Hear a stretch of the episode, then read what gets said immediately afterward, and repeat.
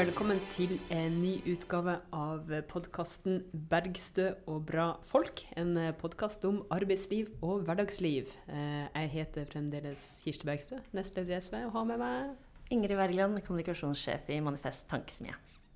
Og så er vi veldig glad for å ha med deg som hører på. Men du Ingrid, jeg lurte på en ting. Mm. Har du vært hos tannlegen i det siste? Jeg prøver å gå til tannlegen en gang i året. Så det er det sikkert. Gjør du det? Ja, Ja. jeg gjør det. Du får det til? Ja, han har en sånn fast innkalling, så da kommer jeg. Får du brev i posten? Nei, jeg får en. SMS på telefonen. Oh, ja, Mm. ser du det? Men eh, da jeg, dette begynte jeg med for noen år siden, og før det så husker jeg det hadde gått sånn ni år siden jeg var hos tannlegen. Eller sånn, så da var jeg ganske nervøs da jeg skulle til tannlegen. Mm. Heldigvis så gikk det uforskammet bra. Eh, Det var ikke velfortjent. Altså, jeg spiser jo så mye tøys og tull. Kokosboller og karameller. Var det null hull og pene tenner? Nei, det var, det var, så, det var jo mye sånn ekkel tannstein og sånn, men det var, jeg hadde ikke så mye hull, nei. Det hadde ikke det. Jeg har nemlig hatt noen runder hos tannlegen i det siste. Jeg har eh, måttet eh, Hva heter det? Ikke rive ut, men uh, trekke, heter det. Røske ut. Ja. Røske ut uh, to visdomstenner oppe. Uh, og det her er jo Det er jo ikke verken billig eller moro. Det er ganske dyrt og vondt og vanskelig. Ja. Eh, og eh, det her med, med liksom tenner, det er jo et dypt hull i velferdsstaten. Ja. Eh, og eh, når man ser eh, sluttregninga etter eh, den slags, så skjønner man eh, at det er veldig både, for det første at det går lang tid mellom hver gang man stikker innom de tannlegene, men også eh, at det er eh, veldig mange som lar være å gå til tannlegen sjøl om man har vondt i kjeften. Ja. Så lar man være eh, å gå til tannlegen fordi at man frykter hva regninga blir. Og det er, er jo ille at både smilet har et klasseskille, Mm. men også at helt sånn nødvendig helsehjelp eh, At folk ikke oppsøker det. For du blir jo ganske handikappa hvis du har tannverk eller mister tennene dine. Eh, og det tenker jeg at er, er veldig alvorlig. Altså Høyresida sier jo at eh, de store velferdsreformene sin tid er forbi. Eh, mens jeg tenker at eh, vi er nødt til å samle oss for å mobilisere nettopp for at folk skal få dekka grunnleggende behov. For det er jo det det er snakk om. eh, At man skal, skal få dekka grunnleggende behov. For det er jo sånn i dag at liksom, knekker du armen, så får du hjelp av lege og, og, og legevakt til sykehus og det du trenger. Eh, sklir du på isen og knekker foten, så, så får du det samme. Så over hele, hele liksom, kroppen så er vi dekka av folketrygda. Og så gaper du opp kjeften, så er det amerikanske tilstander. Mm. Men hva tenker du man burde gjøre, da? For altså, det er jo veldig forskjellige hvilke eksempel hvis du går til to forskjellige tannleger, så vil jo de fortelle deg helt forskjellige ting også om hva du skal gjøre med tennene. For noen vil jo se liksom Å ja, her er det en antydning til, her setter vi i gang med et eller annet. Mens Mm. en annen ikke vil gjøre det, f.eks. Og så vil de jo ha helt ulike priser òg. Ja. Eh, Så jeg tenker at, eh, at eh, det man må gjøre, det er jo å få regulert det her. Mm. At man må få regulert Det har vært totalt frislipp på liksom, tannhelsetjenester. Og det gjør jo at man er nødt til å ta kontroll. Man må få, få det regulert. Og så sørge for at flere får tilbud fra det offentlige. Vi trenger flere offentlige tannleger. Og så når man har fått gjort det, så, eh, så må man parallelt sørge for at man har et sånn makstak på hva det vil koste. Mm. Sånn at også dem som har ganske store plager, eh, tør å gå til tannlegen eh, uten å frykte regninga for, for hardt. Ja, altså det er jo du nevnte det med, med klasse, klasse At du kan se på folk hvilken klasse de kommer fra ut fra tennene, tennene deres. Eh, på østkanten i Oslo er det jo, så sies det jo at eh, tannhelsen til eh, barna er som på 50-60-tallet. Og det er ikke ment som et kompliment. Er det sant? Ja, det er utrolig mye, mye flere hull da, hos folk med lav inntekt og, og ja, lav utdanning. Sånn. Det henger jo sammen. Og det er, det er jo ja, det er veldig, veldig tøff start på livet. da. Så i denne hovedstaden vår så er det ikke bare liksom i levealder man reiser mellom øst og vest, men også i veldig tydelig reise i, i tannhelse. Og ikke minst også brannforekomster, lærte vi jo i forrige episode av denne podkasten. Ja. Så mm. Nei, det, det er ikke bra. Men, eh, men det er jo en kjempedyr reform du etterlyser. Ja, men alt er et spørsmål om fordeling og omfordeling. Eh, og det er jo derfor eh, vi må tenke hva er det som skal være? Eh, be, behov er det vi har som skal dekkes i fellesskap? Fordi det er jo så grunnleggende at vi i fellesskap kan stå opp for hverandre på en måte som vi ikke kan være for oss. Eh, og det er jo derfor det fungerer så bra å mm. løse ting i fellesskap. Og, og, og, tenke at eh, hver og en har ikke eh, råd til den tannhelsa man faktisk har behov for, men i lag så kan vi eh, både spytte i potten eh, og ta, ta regninga. Eh, og Derfor må tannhelse inn, inn i folketrygda. Eh, mm. Og så tror jeg at det er noe som vil spare seg på sikt. Fordi at det lønner seg å investere i mennesker, og det lønner seg å gi folk gode liv. Og gode smil. Og gode smil. det gjør det. Og eh, så er det jo noe annet som lønner seg, og det er jo å ha eh, trygge og tydelige tillitsvalgte. Eh, det tror jeg kanskje er noe av det aller mest lønnsomme man har. For en elegant overgang, eh, Kirsti. Ja, altså, jeg føler at elegant er mellomnavnet mitt. Nå hører vi det humres litt eh, borti hjørnet her. Velkommen ja. hit, da. Ommund Stokka. Tusen takk for det. Områdeleder i Industri Energi. Stemmer. Kan ikke du fortelle oss hva det er for noe, Ommund? Jeg kan fortelle litt om hva Industri Energi er for noe. Ja, Du kan begynne med det. Ja, ja. Vi er jo et, vi er et fagforbund. Mm. Eh, og vi er jo et fagforbund som organiserer ganske mange forskjellige yrkesgrupper. Eh, og jeg er leder for eh, vår organisasjonsavdeling. Og vi, når du organiserer så mange forskjellige folk, så må du hele veien tenke på organisasjon. Ja. Eh, fordi vi organiserer jo oljearbeidere som reiser ut og inn fra en rigg To firer. Og så To-fire. To, altså, altså to uker på, fire uker av. Nettopp, ja. Nå er du inne i stammespråket ditt. og så organiserer vi oljearbeidere som uh, reiser over hele Nordsjøen. Uh, og jeg er organisert i en fagforening som, uh, der de har kommunikasjon med sin tillitsvalgt per e-post, kanskje. I oljeservice. Så organiserer vi de som jobber i operatørbedriftene. Og så jobber, organiserer vi òg eh, fagforeninger som er 100 år gamle i aluminiumsindustrien. Mm. Våre fagforeninger i eh, Sauda, våre fagforeninger i Høyanger er jo eh, alle over 100 år.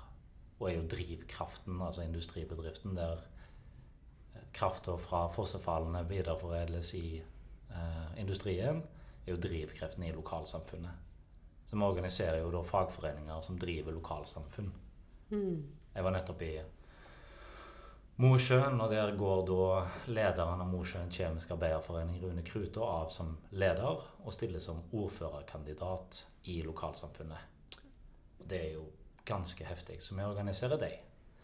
Så organiserer vi plassbedrifter, der eh, bedriften kanskje har 20 ansatte og tillitsvalgte av klubbkontoret sitt i en plastpose. De bedriftene organiserer vi. Og så organiserer vi folk som jobber på møbelbedrifter. Så vi organiserer såpass veldig mange forskjellige industrier at vi hele veien må tenke eh, hvordan organiserer vi oss? Altså hvordan mm. lager vi gode fagforeninger der som folk jobber, for å møte de utfordringene folk har på arbeid. Og det tvinger oss jo hele veien til å diskutere organisasjon og hvordan vi er organisert som fagforening. Hva har dere funnet ut, da? Nei, det er vel det at det å si, Mange sier hva er Industri Energi sin profil? Og sannheten er vel at vi må være ganske mye forskjellig samtidig. Vi må være eh, en god fagforening i bedrifter som eh, Hva skal jeg si Hører på de tillitsvalgte, der tillitsvalgte er med og har samfunnspåvirkning som en middels statsråd i Norge. Mm. Vi må være det forbundet som passer i den bedriften. Og så må vi være forbundet som passer for uh, ja, Unnskyld at jeg sier det, da, men folk med klin galne arbeidsgivere. Mm. Som gir faen i uh, tariffavtaler, overenskomster, hovedavtalen, alt det her. De må vi òg være en fagforening for. Mm. Så vi må være ganske mye forskjellig. Eh, og når det kommer til f.eks. oljeindustrien, så må vi jo være et, eh, en fagforening som har eh, kontakt med politiske myndigheter. Rett og slett fordi alle arbeidsplassene i oljeindustrien er avhengig av politiske vedtak. Så vi må være relativt mye. Så må vi òg være fagforeningen for de som aldri før har vært fagorganisert, nemlig dykkerne. Nettopp. Nå organiserer vi jo ei gruppe som aldri har hatt, vært fagorganisert, aldri har hatt eh, tariffavtaler, aldri har hatt fagforening, aldri har hatt verneombud, og da må vi diskutere det, da. Hvordan lager du fagforening der det ikke finnes? Hvordan lager du overenskomster der de ikke finnes? Eh, hvordan lager du verneombud der de ikke har vært organisert? Hvordan går man frem da? Eh, vel, det handler vel litt om hvordan du fremstiller fagbevegelsen på, da, Mm. tror jeg. Fordi utover på 90-tallet, og hvis du er litt sånn karikert, da, så tror jeg at ganske mange framstilte fagforeningen litt som et slags forsikring. Skjønner du?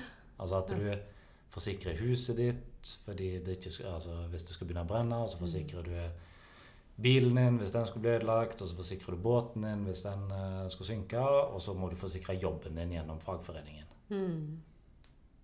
Uh, og det var liksom en enkel måte å forklare det på. Eh, men vi tror det er lite tilstrekkelig. da. Altså Det er ikke en god nok forklaring. Hva tenker du er en, en god forklaring av det? Nei, jeg vet ikke, men eh, det vi har sagt, Ja. og som gir mening for meg i alle fall, Ja. det er hvis du sammenligner en fagforening med en slags eh, bilklubb. En bilklubb? Ja, Ja. Ja, men altså tenk deg da at du, er, du har en, enten en amerikaner, en amerikansk bil, eller en For min del, jeg har en britisk bil, en Mini Morris, og så er du med i en bilklubb. Og så har kanskje presidenten i bilklubben eh, et verksted tilgjengelig, enten det er garasjen hans eller noe annet. Mm. Og der har du verktøy og alt det du trenger. Du har kompetanse som ligger i de andre medlemmene. Eh, men du kommer ikke til presidenten og så ber han om å skifte olje på bilen din. Skjønner du? Mm. Men presidenten har, og klubben har tilgjengelig et verksted som du kan gjøre det sjøl på. Mm. Og når du ikke får det til og har lyst til å knuse den jævla bilen, så er det noen som drar deg til sides og så sier at nå tenner vi opp en sigg, tar en kopp kaffe, her er det lov til å røyke inne, og så diskuterer en det.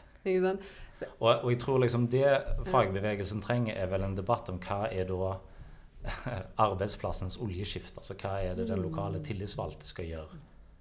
Mm. Eh, fordi jeg tror ganske mange plasser så springer en rett til klubbleder. Og hvis du sammenligner det med en eh, president i en byklubb, så, så ender på en måte presidenten med å skifte olje på bilen til alle i eh, bilklubben. Og så kommer du til vinteren, så kan du skifte dekk på alle biler. Det, dette var et veldig fint bilde. Jeg bare merket at jeg måtte bli forklart hva en bilklubb var først. For det var liksom ikke noe Fikk ikke jeg noen assosiasjoner. Men, Nei, nei, men du men når, du, når du at- forklarer bildet, så ja, er det veldig bra. Mm. At, at du, du må skru sjøl, da. Ja, absolutt. Altså, en, Hjelp til sjøl. Ja, du, Mm, du går ikke til en bilklubb som så du går til et merkeverksted. Nei. Eh, Og jeg vet jo men at du har eh, bygd din egen motorsykkel. ja, Og nå driver jeg på med min andre. Nå, gjør du det, ja? Ja, ja, Ja, nettopp. ja. Det er veldig tøft. Eh, og når, eh, og nå holder du på å hjelpe dykkerne å bygge sin egen fagforening. Ja. Så du er jo en bygger. Ja. Men eh, når eh, dykkerne skal organiseres, eh, eh, er det sånn at de kommer til dere, eller er det sånn at det har vært alvorlige hendelser som har gjort at dere har måttet gripe fatt i det her? Begge- begge deler. Ja, Begge deler. Vi har jo organisert Nordsjødykkerne da, ja. siden 70-tallet. Men det her er andre dykkere. Det her er innsjødykking. Kan ikke du fortelle forskjellen for Ja. folk som ikke er Altså Nordsjødykkerne jobba jo offshore. Dykka boligplattformer. Eh, og hadde verken eh, arbeidsmiljølov gjeldende for seg, eh, og noen av dykkerne fortalte jo om forsøk da, Mm. med dykkerne som kunne sammenlignes med Mengele-forsøk. Altså der myndigheter i alle fall Det var så mye drøyt som skjedde at folk eh, ble drept, eller så tok de sitt eget liv, eller så fikk de varige skader. Altså du kan sammenligne det lett med moderne tids krigsseilere. Da. Mm. Og den saken tok vi jo til Høyesterett og tapte i Høyesterett. Og så tok vi til Menneskerettighetsdomstolen i Strasbourg og, tok det, eh, og vant dykkersaken. Og tok han videre til Stortinget, og dykkerne fikk til slutt en unnskyldning. Da. Mm. Så har det jo skjedd en del eh, siden det, og etter at havbruk har ekspandert altså havbruk, oppdrettsnæringen, så har jo dykkingen ekspandert noe voldsomt. Mm. Eh, og dykkeselskapene har økt. Eh, omsetningen noe dramatisk. Eh, og så har det jo kommet ganske graverende hendelser. Den hendelsen som jeg eh, syns er mest skremmende, eller du hører mye, Mm. men det var jo en som var oppe på Dagsrevyen, og han fortalte jo om at han var på 18 meter. Altså dykka, jobba på 18 meter. Og plutselig så blir han dratt opp gjennom det. Så ser han opp, og så ser han at den umbilikalen, altså navlestrengen som går med luft og kommunikasjon ned til dykkeren, er i propellen på båten. Ja. Og så blir han dratt opp gjennom, og under havet så kan ingen høre at jeg skriker, for å si det sånn. Eh, og så stopper propellen. Om det er fordi han kveles av at han blir full av eh, navlestreng, eller om det skjer fordi noen skrur han av, det har jeg ikke helt eh, detaljene på. Men uansett, når du blir dratt fra 18 meter opp mot dødens hjulvisp, Ja. eh, så er jo det en særdeles skremmende opplevelse. Uh, og vi har kjørt en dykkeundersøkelse blant dykkerne i Norge. Er det sånn Spørreundersøkelse, ja. ja. Og fant ut at seks av ti dykkere har frykta for eget liv. At, På på jobb. konkrete hendelser. At de har vært Ja. redd for De har vært i situasjoner på jobb og frykta for eget liv. Eh, og ni av ti dykkere har snakket med kolleger i bransjen som har frykta for, for eget liv. Mm. Og det her eh, tok jo eh, Arbeidstilsynet på alvor. Ministeren tok og satte i gang et arbeid med et nytt regelverk for dykkere. Og så har det jo skjedd en haug med, med ting der, og jeg skal ikke kjede dere med, med alt, men eh, det har jo Altså hvilken lov som gjelder for dykkere, har jo vært utfordra.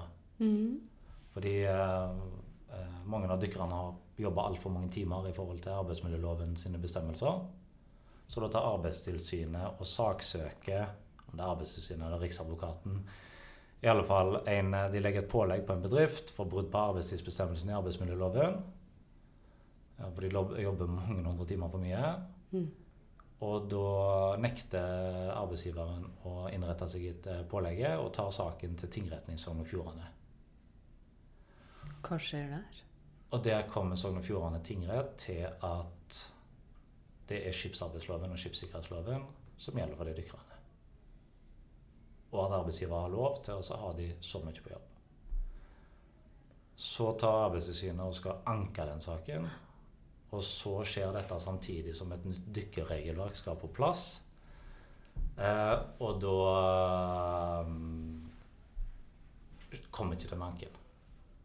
Så Sogn og Fjordane tingrett sin uh, rettsoppfatning står jo da for de folka. Og det her er jo noe som dykkerne selvfølgelig reagerer på. Mm. Og som vi vet, så er det jo eh, på Stortinget at eh, lovene i Norge blir både vedtatt, og at eh, lovene i Norge blir eh, eh, på en måte tyder av bestemmelsen og alt det her. Så han Torstein Tvedt Solberg fra Arbeiderpartiet stilte jo spørsmål til arbeidsministeren om hvilket regelverk som gjelder for dykkere på båt. Mm. Og der sier jo arbeidsministeren rett ut i svaret på hans spørsmål at det er uklart nå. Det Mm. fremstår uklart. Så da har du en haug med dykkere som ikke vet hva lov de skal forholde seg til heller. Det er jo veldig alvorlig. Ja, det, det, mange er det det er ganske, om ja, og, og, og da, har du, da har du dykkere. fordi det handler jo ikke bare om loven, men det handler jo om et, altså, det handler om tilsynet. Vi sendte jo spørsmål med en gang til Sjøfartsdirektoratet, da, som har tilsynsmyndighet med skipsarbeidsloven og skipssikkerhetsloven. Hva slags dykkerregelverk forholder dere dere til?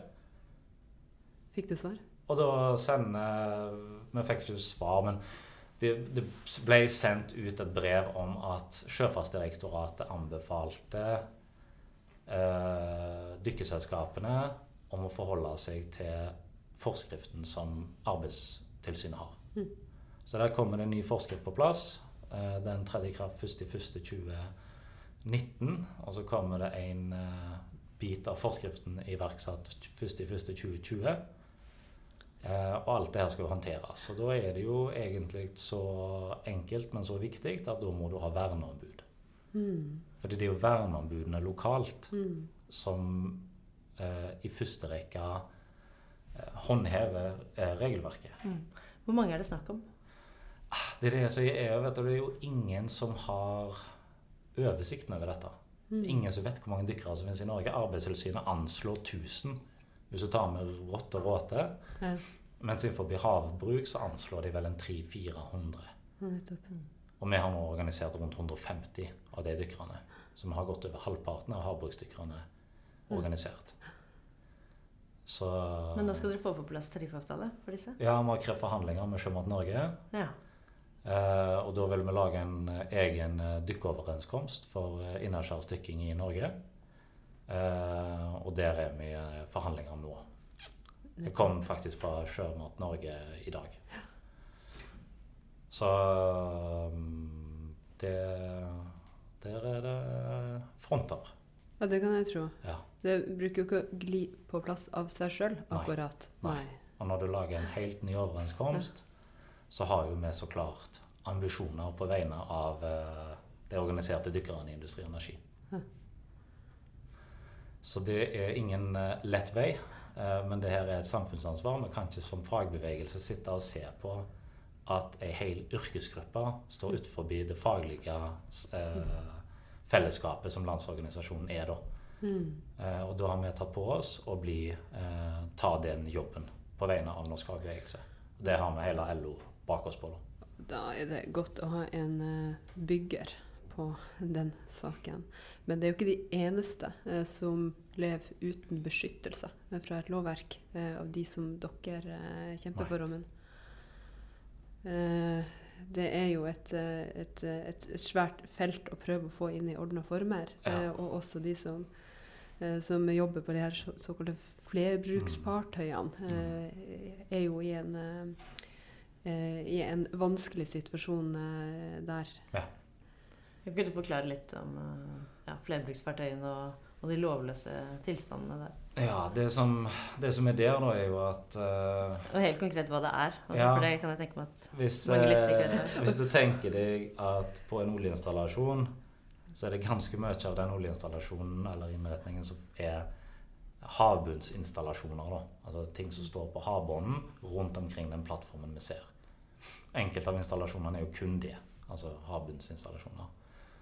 Og jeg tror vi regna på det. Hvor mange operahus var det vi fant ut at var blitt satt på plass i løpet av de siste ti åra? Jeg tror det var sånn 24 operahus, eller en helt sånn absurd, eller 42 helt absurde mengder. Altså hvis du tenker i størrelse Ja, eller i i, penger- omfang? i penger, penger, penger. i i rene Ja, Nettopp. og det her ting tingene som settes på havbunnen, er jo svære saker. Ja, I sum. Ja. Ja, og hvis du da skal sette noe på havbunnen, så trenger du en båt. Mm. Du trenger kraner, og du trenger flinke folk. Eh, og de som er på plattformen, er omfattet av arbeidsmiljøloven. De som er på boreriggen, er omfattet av arbeidsmiljøloven og har Petroleumstilsynet som tilsynsmyndighet. Dykkeren som er nede på havbunnen, han er omfattet av arbeidsmiljøloven, men de oljearbeiderne på de flerbruksfartøyene er ikke omfattet av arbeidsmiljøloven. Mm. Og det er jo en politisk eh, kamp som vi har kjørt eh, veldig lenge, og som vi ikke kommer til å gi oss på. Mm. Her har vi på en måte rettferdigheten og logikken og all rettsoppfatning på vår side.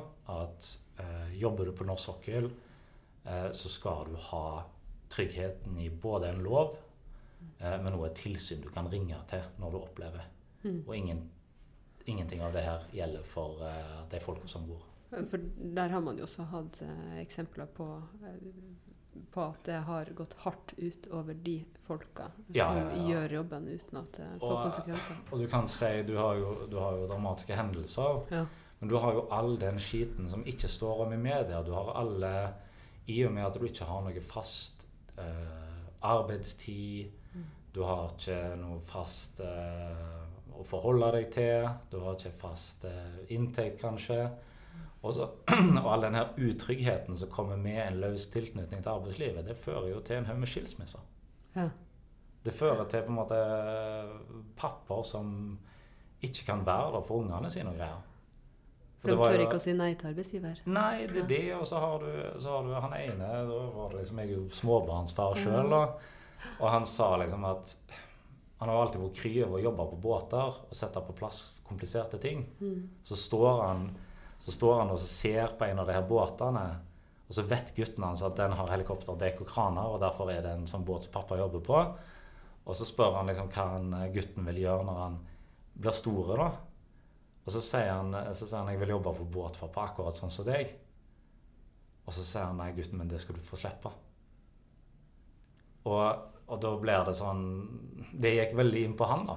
Ja. Fordi han har vært kry over jobben sin lenge og, og, og greier. Men, men, den belastningen det er på han og familien, er liksom så Ja, drøye, da. Ja. Mm. Men hvordan kan det egentlig oppstå sånne lovløse altså, Eller lovtomme rom da, i arbeidslivet? Det er jo, det er veldig, det er veldig merkelig.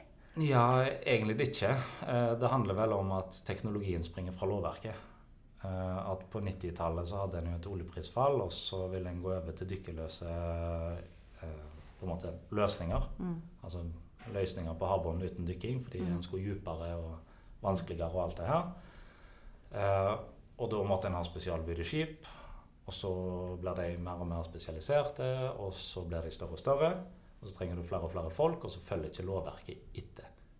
Mens når dykkerne eh, og flyteriggene kom inn under arbeidsmiljøloven i 91, så var det denne NOU-en. Litt sånn framsynhet. Mm. Det skrev det at framover så kommer det til å bli spesialiserte skip Mm. som eh, kommer til å sette det her tingene på havbunnen, Mm. og at de skipene bør underlegges arbeidsmiljøloven. Så NOU-en som ble skrevet i 89, da, Mm. den så jo denne utviklinga, Mm. mens lovverket har ikke fulgt etter. Og du var jo med, Kirsti, på et Dokument 8-forslag Ja. før valget. Ja. Så i, I det forrige stortingsperiode så foreslo vi det, eh, å gjøre noe med det.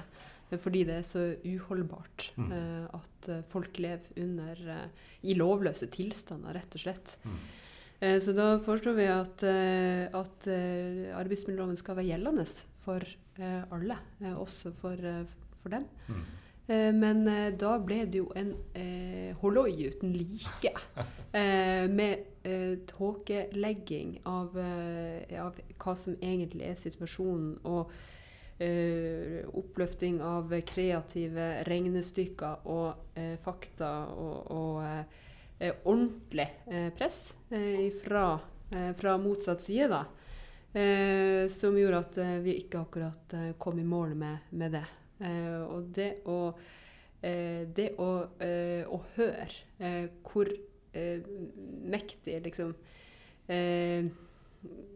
Hvor stor interesse det er for å tilsløre det faktum at folk lever ubeskytta, det, det, det syns jeg er, er alvorlig. Du var jo på denne høringa når man foreslår lover og ting i Stortinget, så er det jo av og til høring der folk som berøres eh, av forslaget, får komme og snakke. Og da var jo du eh, en fornuftens eh, og klarhetens eh, og rettferdighetens eh, røst. Eh, men eh, mot eh, arbeidsgiversida så var det ingen trøst. Eh, og hvem valgte høyresida å lytte til? Jo, nok en gang dem som ville sette stengselen for beskyttelse eh, av arbeidsfolk. Ja. Men eh, nå har vi snakket om mange, mange ulike eh, Ja. grupper og din jobb nå i dag. Men, men eh, før du ble fulltidstillitsvalgt, Mm. utenom å skru og lage motorsykler, hva, er det du jobber med da? Det må du fortelle om. Jeg var mekaniker på Hydro på Karmøy. Nettopp. Ja. Ja. Det er en veldig Så- flott plass. Fortell, Ja, fortell hva, men hva gjorde du da, som mekaniker? Nei, du fikser maskiner så operatørene kjører sånt. Eh, og det som er litt sånn stilig med å være mekaniker i industrien nå, er at det er litt sånn flåsete når jeg sier det. Men på de gode arbeidsplassene så er det ofte operatørene sjøl som fikser maskinene. Mm. Uh, mens mekanikeren sin jobb er å finne ut hva var det som gikk galt. Ja, nettopp, ja. ja Eh, I sånn at, ja, sånn at du kan forbedre det, da. Snarere enn å bare springe og så reparere det som er knekt, så, eller knust, eller hva som helst, Mm. så finner en ut hvorfor det skjedde. Og det gjør jo jobben som mekaniker mye mer spennende. så. Ja, ikke Da må du være hele veien litt sånn framme i skoene, og du har tillit fra arbeidsgiver til at arbeidsgiver tror du vil det beste for maskinene, og det gjør det jo spennende. da. Kan ikke du fortelle om eh, skolegangen din for å bli mekaniker? Nei, jeg ville egentlig bli fisker, da. Eh, I utgangspunktet. Jeg Ja. var på, eh, var på fiskebåt. På sånn, Vi har jo sånn utplassering. Mm. Eh, og så søkte jeg på fiskerilinja på Eller jeg skrev opp fiskerilinja på Åkra. På Karmøy, da. Eh, og så var det faren min som ga meg et veldig godt råd. Han sa at Vel, jeg skjønner du var ute på tobisfiske og at det var kjekt, eh, men søk heller på mekanisk. Mm. Hvorfor da? Det er fordi da kan du bli maskinist. Og da kan du bli maskinist på en fiskebåt, eller så kan du bli maskinist på en rigg, eller så kan du bli maskinist på en supplybåt, eller så kommer han med det der greiene, da. Så kan du bli utenriksfarten. Og da ble jeg jo litt sånn oi, eventyr, og begge besteforeldrene mine var sjømenn, og krigsseilere og alt det der. Og da var det jo eh, det som frista litt, og så syntes jeg det var så kjekt å skru at jeg eh, og Hydro var en veldig ettertrakta sånn plass å bli lærling, da. Men dette var en prat du og faren din hadde da du var Ja, når jeg, gikk på- 15? ja, når jeg gikk på ungdomsskolen. Jeg husker det veldig godt. Mm. Og det var så nærme. Jeg hadde skrevet ned fiskerilinja, så hadde jeg blitt fisker. mm. Vært på en tråler ute i eh, Nordsjøen, eller ut forbi Amerika. Men uh, i alle fall så, så endte det med det, da. Og så begynte jeg å jobbe på Hydro. Og der gikk jeg liksom fra Jeg ble satt i sånn idiotklasse på ungdomsskolen, at du delte deg de som var flinke i matte, da, i én klasse, og så satte du de dårlige i en annen klasse, og så Var det sånn som man valgte sjøl, eller var det sånn at man ble plukka ut? eh? Nei, det ble, vel plukka ut, da. Men iallfall så gikk jeg fra å slite med å få en G, da, eller noen, jeg fra noen til G rundt den der, til å få seks i matte på yrkesskolen. Ja. Og yrkesskolen var liksom kjempekjekt. Mm. Traff veldig bra folk og ja, gode kamerater og alt det her. Og hadde en som heter Økland, som var den beste læreren jeg noensinne har hatt. Gammel sjømann. Veldig bestemt og veldig, veldig flink. Og kanskje matte ga en annen sammenheng. Ja, ja, ja, klart det. Men, Klart og så fikk du lærlingeplass på, på Hydro, På da? Hydro, ja. Mm. ja. Og så ble du der. Ja. Mm. Jeg har, jeg har vært og besøkt uh, Hydro Karmøy Ja. flere, flere ganger, og, og det er jo en, eh, en veldig eh, stolt arbeidsplass. Mm. Uh, altså den er jo, uh, den er jo verdensledende. Mm. Eh, og det er jo eh, Det er jo um, det er jo et område som, som både har tatt enorme liksom, teknologiske skritt, som har redusert utslipp, og som Mm. Eh, har eh, jevn strøm av lærlinger, og som, som produserer eh, noe som samfunnet virkelig har behov for. Mm. Og som har veldig stolte tradisjoner. Mm. Eh, og sterk fagforening. Eh, eh, kan ikke du fortelle litt om, om liksom hverdagen, eh, hverdagen der? Jo, jo, altså pff, Det er jo Hvor mye skal du si, da? Men Men det er jo Det er jo veldig sant det du sier om, om Hydro. Jeg kjenner meg jo igjen i alt det. Og jeg kan jo si at det som du gjorde mens du var SU-leder rundt 2006, var jo egentlig et ord å velte om på hele venstresida sitt syn på industrien. Fordi før det så var det jo litt sånn at venstresida så på industrien som en slags sånn forurenser. da. Mm. Men så tror jeg at en kobler at vel, dette her er noe som verden trenger, og det produseres med vannkraft. Og vel, hva det er 70% av all aluminium som noensinne har blitt produsert, er fortsatt i omløp, så resirkuleringen og Mm. der gjenbrukseffekten er ganske dramatisk. da. Eh, Men det å jobbe ved Hydro inn, eh, på en sånn en plass er jo eh, et veldig fint møte med den norske arbeiderbevegelsen. Mm. Og Stein Roar Martinsen, som var fagforeningsleder da, er det Norge, da, var jo en som pensa meg inn der. Fordi jeg reiste jo på sånn kurs da. Ja, Så den hadde hørt at jeg på en måte var litt frampå. Ja. Så han sa at jeg måtte reise på kurs. Og eh, da reiste jeg på et eh, sånn ungdomskurs. Og syntes bare det var det mest latterlige jeg har vært med på hele mitt liv. Er det sant? Ja. Ja. Og kom tilbake til Sten Roar og si at det der en LO-drit, det kan du ha for deg sjøl. Det vil jeg bare ikke Det kunne jeg gjort mye lettere sjøl, sier jeg da. OK. Og så sies det noe ja, men gjør det, da. Hvis det er så forbanna lett, så gjør det sjøl, da. Så blir det litt sånn ja, ja, faen. Og så tok det ene eller det andre, da. Og så, hadde jeg jo, så var jeg jo der, eh, tok fagbrev og jobba, og så fikk jeg tilbud om fast jobb. Mm. Eh, på en plass som heter Nodemontasjen. Og der hadde jeg jobba med en som heter Arne, og han det var en kjempekjekk plass å jobbe, og litt sånn drømmejobben som mekaniker. Masse sånn leamikk, hydraulikk. Mm.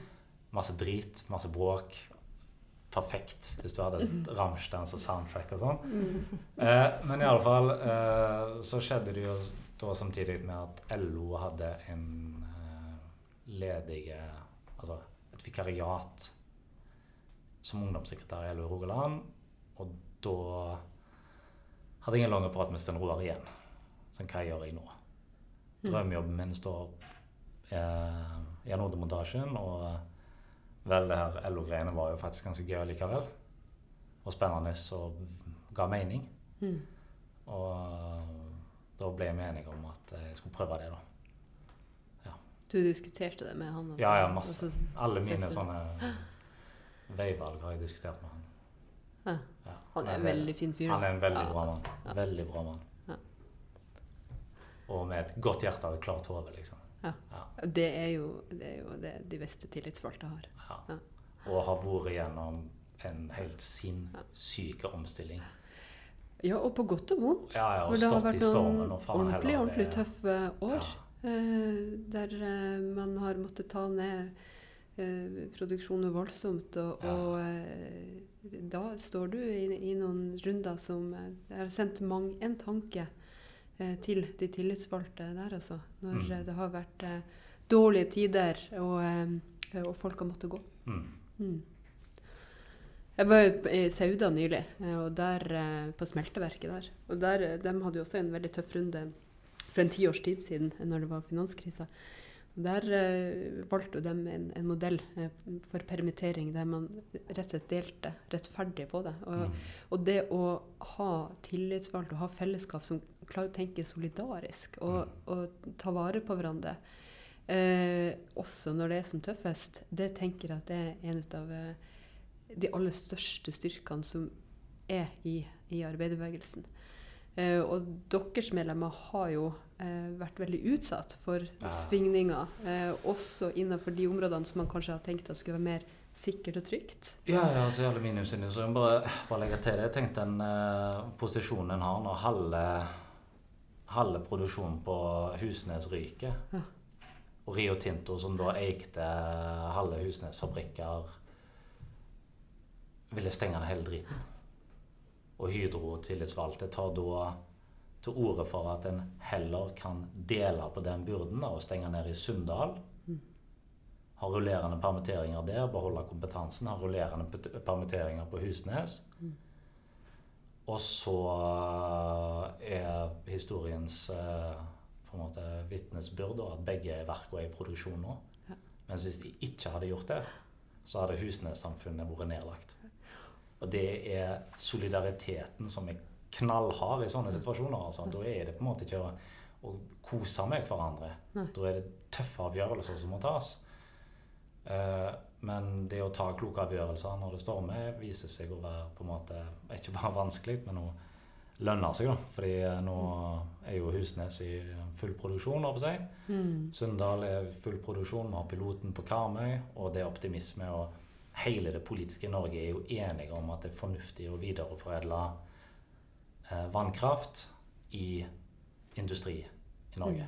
Så det er jo det er jo en veldig fin historie, da. Ja, Men det har ikke kommet av seg sjøl.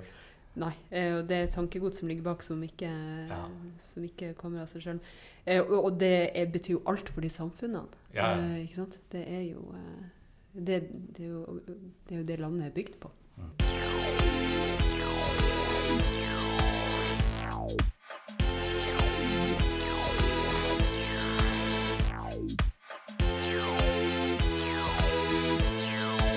Hva var din første jobb? det er viktig. Ja. Hvis ikke så blir lytterne sittende i, i ville Ja, ja, og lure. ja, ja. Ja. Min første jobb det var å stå i siloen og eh, ta imot gras som kom fra fòrhaugene på seg, fra eh, til kyr. Ja. Og så skulle du fordele det i siloen ja. med en høygaffel. Hvem sin gård var dette? En som de var. Ja, Så da fikk du timetalt, eller? Ja. Hvor gammel var du da? Ah, det husker jeg ikke. Sånn eh, 13, kanskje. Ja. Ja. Var det en eh, Sommerjobb, det da? Sommerjobb. Ja. Var det inn, du var ikke inne i siloen? Ja, eller? Jo. Det var- det hørtes veldig varmt og ekkelt ut. Nei, de var veldig trivelige. Altså, det var Drakk kald rabarbrasaft og øh, fikk eh, god middag hver dag. Og Det høres fint ut, men inni en silo er det ikke Har du vært i en silo, Ingrid? Lukter ikke det veldig Det lukter jo stramt. Det er jo Ja. sånn Nei, det syre. Ja, det er jo syrelukt. Ja, du, Ja. har jo, du tilfører jo sånn uh... Nei, det får bli det årets mål å komme seg inn i en silo. Vet du hva? Hvis du ikke har vært i en silo, så tror jeg kanskje det er et veldig bra mål å ha for året. Jeg hadde en sånn eh, sommerjobb hvor jeg hesja på en gård, men de hadde ikke noe silo, så det var sånn grål, sånn hesjing. Så blåste det ned hver kveld, og så måtte jeg det hesje det dagen etter. Det var ganske stusslig. Altså, det føltes jo litt da. Vi må tusen, runde av. tusen takk for at vi kom. Du, tusen takk for at du kom. Det var veldig, veldig interessant. Uh, vi må eh, takke til dere som har hørt på. Vi må oppfordre dere til å abonnere på Bergstø og bra folk i podkastspilleren din, og tipse vennene dine, og gi oss maks antall stjerner eh, i podkastspilleren din. Det kan man trykke på. Er det det som heter rate? Det heter rate. Ja. Ah, sier du det? Se Ja. her. Jeg sa det Lærer på norsk, stadig, men lærer jeg- brukte det norske ordet 'gi stjerner'. Gi stjerner. Stjernekamp, kaller vi det. Ja. Og så må du si mailadressen din, eh, Kirsti. Ja, og jeg takker eh, dere som har sendt e-post siden sist. Er Kirsti.bergsto.sv.no. Kirsti.bergsto.sv.no. Takk for at du hørte på oss. Vi gleder oss til å høre fra deg. Ha det godt.